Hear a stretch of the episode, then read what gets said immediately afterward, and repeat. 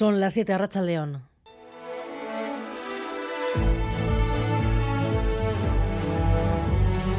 Gambara con Arancha García. El pacto educativo vuelve a escenificar fisuras, esta vez por el aumento de las partidas a la concertada en el presupuesto del año que viene. Una oferta al PP del consejero Azpiazo durante la negociación presupuestaria ha hecho que Podemos acuse al gobierno de romper el acuerdo y a H. Bildu a pedir una reunión urgente de la comisión de seguimiento. Con este movimiento, con este ofrecimiento, se está incluyendo al Partido Popular en el pacto educativo en detrimento de los que ya estamos en el pacto educativo con una visión y con una orientación contrarias. Consideramos que con esta acción el Gobierno rompe el pacto educativo. El tono de las críticas ha hecho que el consejero Vildarracha haya tenido que salir a dar explicaciones, ni crisis ni deslealtad, ha dicho. A las 8 entrevistamos aquí en Cámara al consejero de Hacienda, recién llegado de Madrid tras firmar la renovación del cupo. Sigue en el 624, garantiza, insiste, cinco años de estabilidad financiera. Es un acuerdo que consigue que el autogobierno vasco y el concierto económico salgan más fortalecidos. Hace cinco años normalizamos y regularizamos las relaciones financieras Euskadi-Estado y hoy hemos seguido aquella senda para seguir trabajando desde la naturalidad. Segundo acuerdo, las haciendas vascas gestionarán los nuevos impuestos a energéticas y a bancos. EH lo ha firmado con el PSOE creemos que era eh, necesario que se garantizara y se blindara la capacidad fiscal de eh, las haciendas forales vascas y Navarra, se respeta la voluntad de los partidos, la mayoría de los partidos vascos que venimos defendiendo nuestro autogobierno. Y los tribunales mantienen el veto a la unificación de las cirugías cardíacas de Cruces y Basurto. La jueza que lleva el caso se mantiene en su decisión, pero tal vez lo más relevante son los argumentos en los que se basa, que la unificación podía poner en riesgo la vida de los pacientes, ya lo adelantó cuando dictó las medidas cautelares, pero ahora además desmiente que esa unificación obedezca a criterios de eficacia. La jueza cree que lo que está priorizando Saquidecha es recortar costes y recomienda que, si se quiere ir hacia un modelo de salud pública privada, se lleve el debate al Parlamento. La pregunta que sigue sobrevolando desde hace tres días es qué ha pasado, qué ha hecho que durante la tramitación no se corrigiera la fisura que está permitiendo las revisiones a la baja de abusadores sexuales. Nadie se hace responsable único. El debate se sitúa todavía en esperar a que los tribunales fijen jurisprudencia o en reformar la ley. Y mientras los condenados siguen buscando el resquicio para que se les rebajen las condenas. Lo va a intentar el abogado de la manada solo con uno de ellos calcula que podrían rebajarle un año y medio de cárcel y en pocas semanas el Supremo empezará a revisar los primeros recursos ya con la nueva ley. Sarobaza.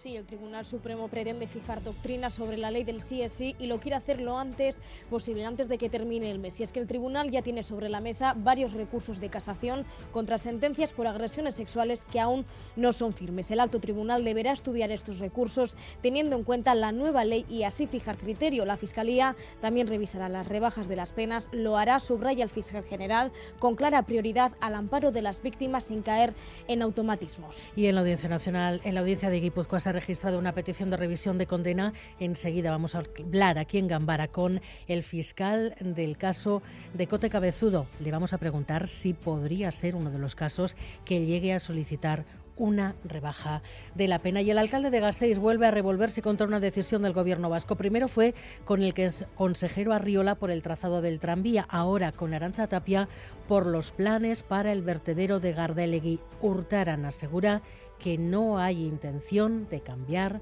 la actividad.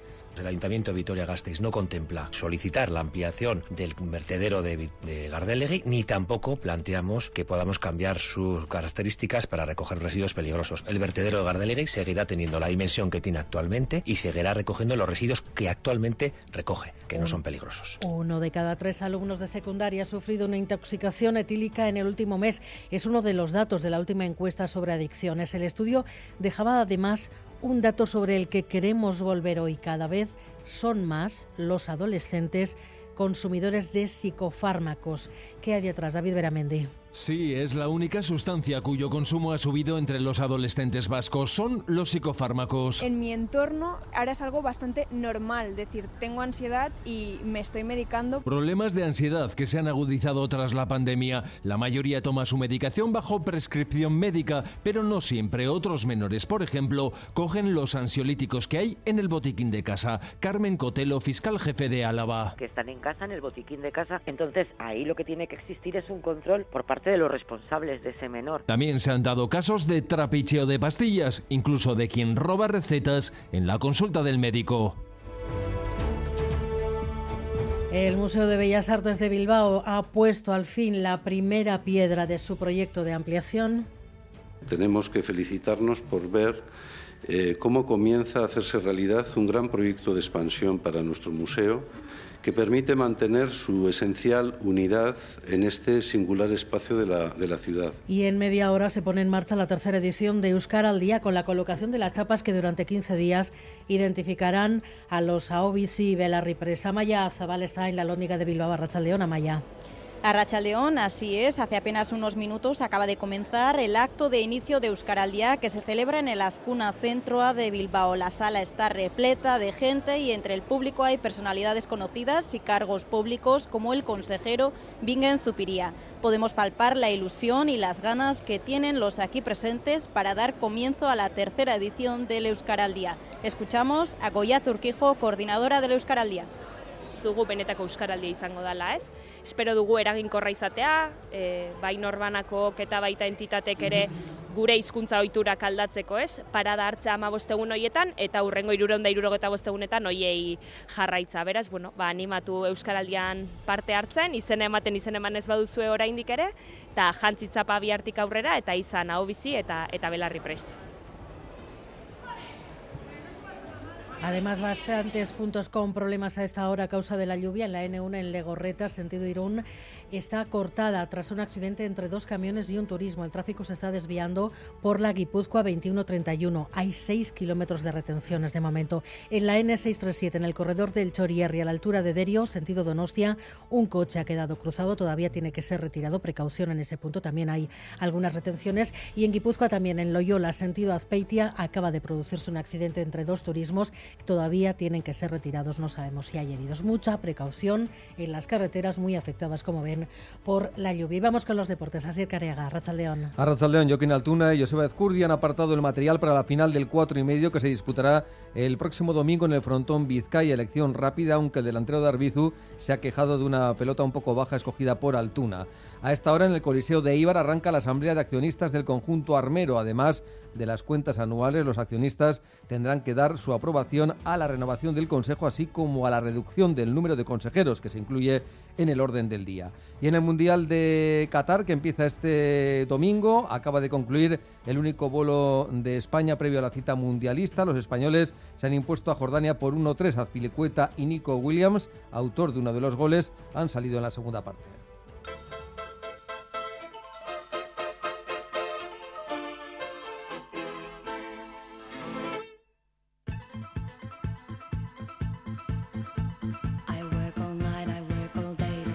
El Reino Unido se ha declarado oficialmente en recesión. Ya no queda nada de listras. El nuevo primer ministro ha tenido que anunciar justo lo contrario a lo que dijo la que venía a solucionar los problemas de Gran Bretaña, una subida generalizada de impuestos, John Fernández Moore. Efectivamente, el Reino Unido está en recesión, lo anunciaba su ministro de Economía, Jeremy Hunt. Y de la bajada de impuestos del gobierno traspasan a la subida de impuestos del gobierno Sunak. Plan fiscal a cinco años el presentado hoy, subidas de impuestos por valor de 25.000 millones de libras. Los laboristas recriminaban al ministro su plan asegurando que serán las familias quienes paguen la cuenta.